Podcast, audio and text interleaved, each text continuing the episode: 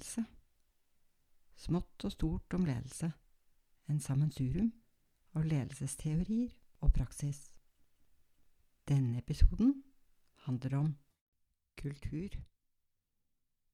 Kulturen i bedriften kommer til uttrykk for hvordan ansatte faktisk oppfører seg, og hvilke holdninger de har. Bedriftskulturen vokser frem gjennom samhandling mellom ansatte omgivelsene. Det finnes mange bedrifter som har en sunn bedriftskultur, med gode verdier og normer. En kultur hvor ansatte støtter hverandre, gir trygghet og respekt for hverandre. Men det finnes også bedrifter som har ukultur, hvor ansatte snakker hverandre ned, motarbeider og fremmer utrygghet med usunn konkurranse. Felles holdninger blant de ansatte som har satt seg, er ikke lett å få gjort noe med. Det kan være holdninger som er bra. Da er det viktig å vedlikeholde disse gode verdiene. Vi er A-laget i denne bedriften. Her hos oss er det høyt under taket. Så er det kanskje andre holdninger som ikke er heldige for bedriften. Ikke tro på de som sier noe vennlig. Husk at de først og fremst er ute etter å ta oss, til å bli kvitt oss. Eller grunnen til at det gjøres dårlig her hos oss, det er ledelsen. Ledelsen som er så dårlig. Forskeren Edgard Schein er en guru innen organisasjonskultur. Inndeler kulturen i tre nivåer. Det første nivået det som utenforstående lett kan observere. Språket, felles kleskode, seremonier eller ritualet i bedriften. Det andre kulturnivået er normer og verdier i organisasjonen. Hva som er akseptabel atferd. Hvordan man bør te seg, og hvordan man oppfatter hva som er riktig og verdifullt å etterstrebe på arbeidsplassen. Og det siste nivået, kulturnivå tre, er felles virkelighetsoppfatning basert på tidligere erfaringer og tilpasninger til eksterne og interne forhold. Flere virksomheter har utarbeidet visjon og verdier for bedriften, som er tenkt at de ansatte skal følge.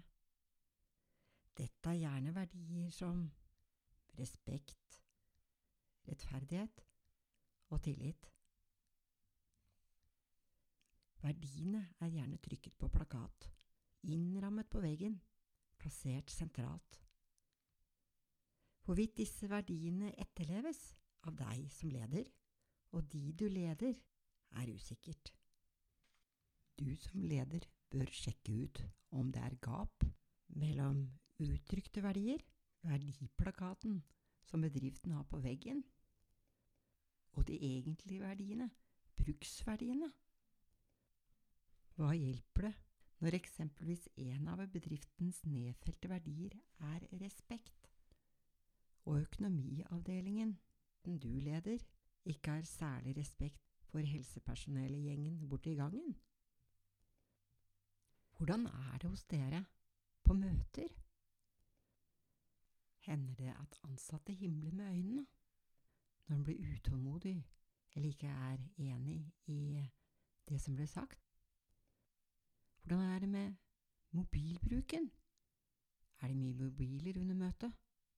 Er det vanskelig å få oppmerksomhet fordi de ansatte driver og tukler med mobilen? istedenfor å være konsentrert på det som tas opp på møtet? Hvordan er det med tidspunktet? Oppstart av møtet? Kommer du som leder slentrende litt for sent? Er det ganske vanlig at du ikke er presis til møtene? Eller er det andre møtedeltakere, Ja, det er jo gjerne de samme som går igjen, som kommer for sent. Hvordan er det da med respekten, etterlevelse av respekten som en verdi overfor andre?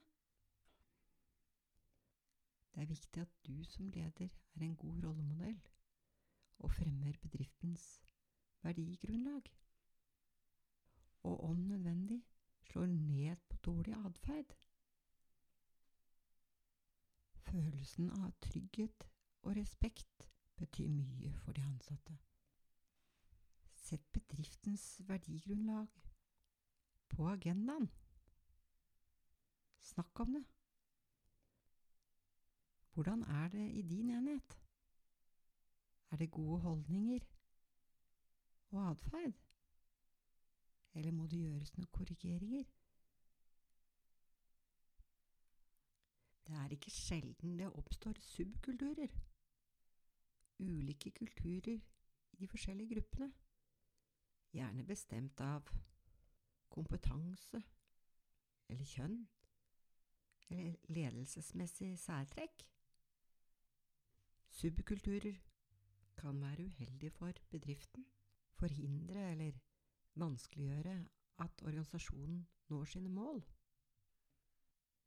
Kanskje det i lunsjen snakkes om kunder, enkeltkunder, hvor krevende de er, storforlangende og vanskelig å ha med å gjøre. Det er samtaler og holdninger som ikke bør finne sted, som du som leder bør slå ned på. Kanskje det er behov for å lage felles normer? Utarbeide felles spilleregler for hvordan man skal oppføre seg? Det kan være behov for å gjennomføre et kulturendringsarbeid. Kanskje bør bedriften tenke nytt, vurdere om andre verdier nå bør få fokus. Det kan f.eks. være gamle verdier som hindrer nytenkning og innovasjon. Bør verdien trygghet ha et litt annet innhold enn før? Være mer balansert. Trygghet bør ikke stå i veien for nyskapning. Det er et sitat fra forfatteren Carl Kraus. Når kulturens sol står lavt, kaster selv dverger lange skygger.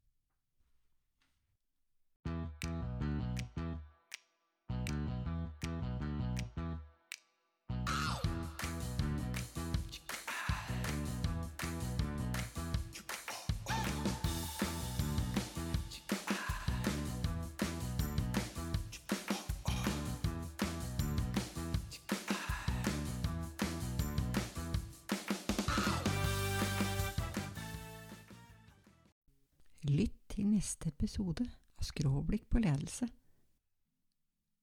som skal handle om makt.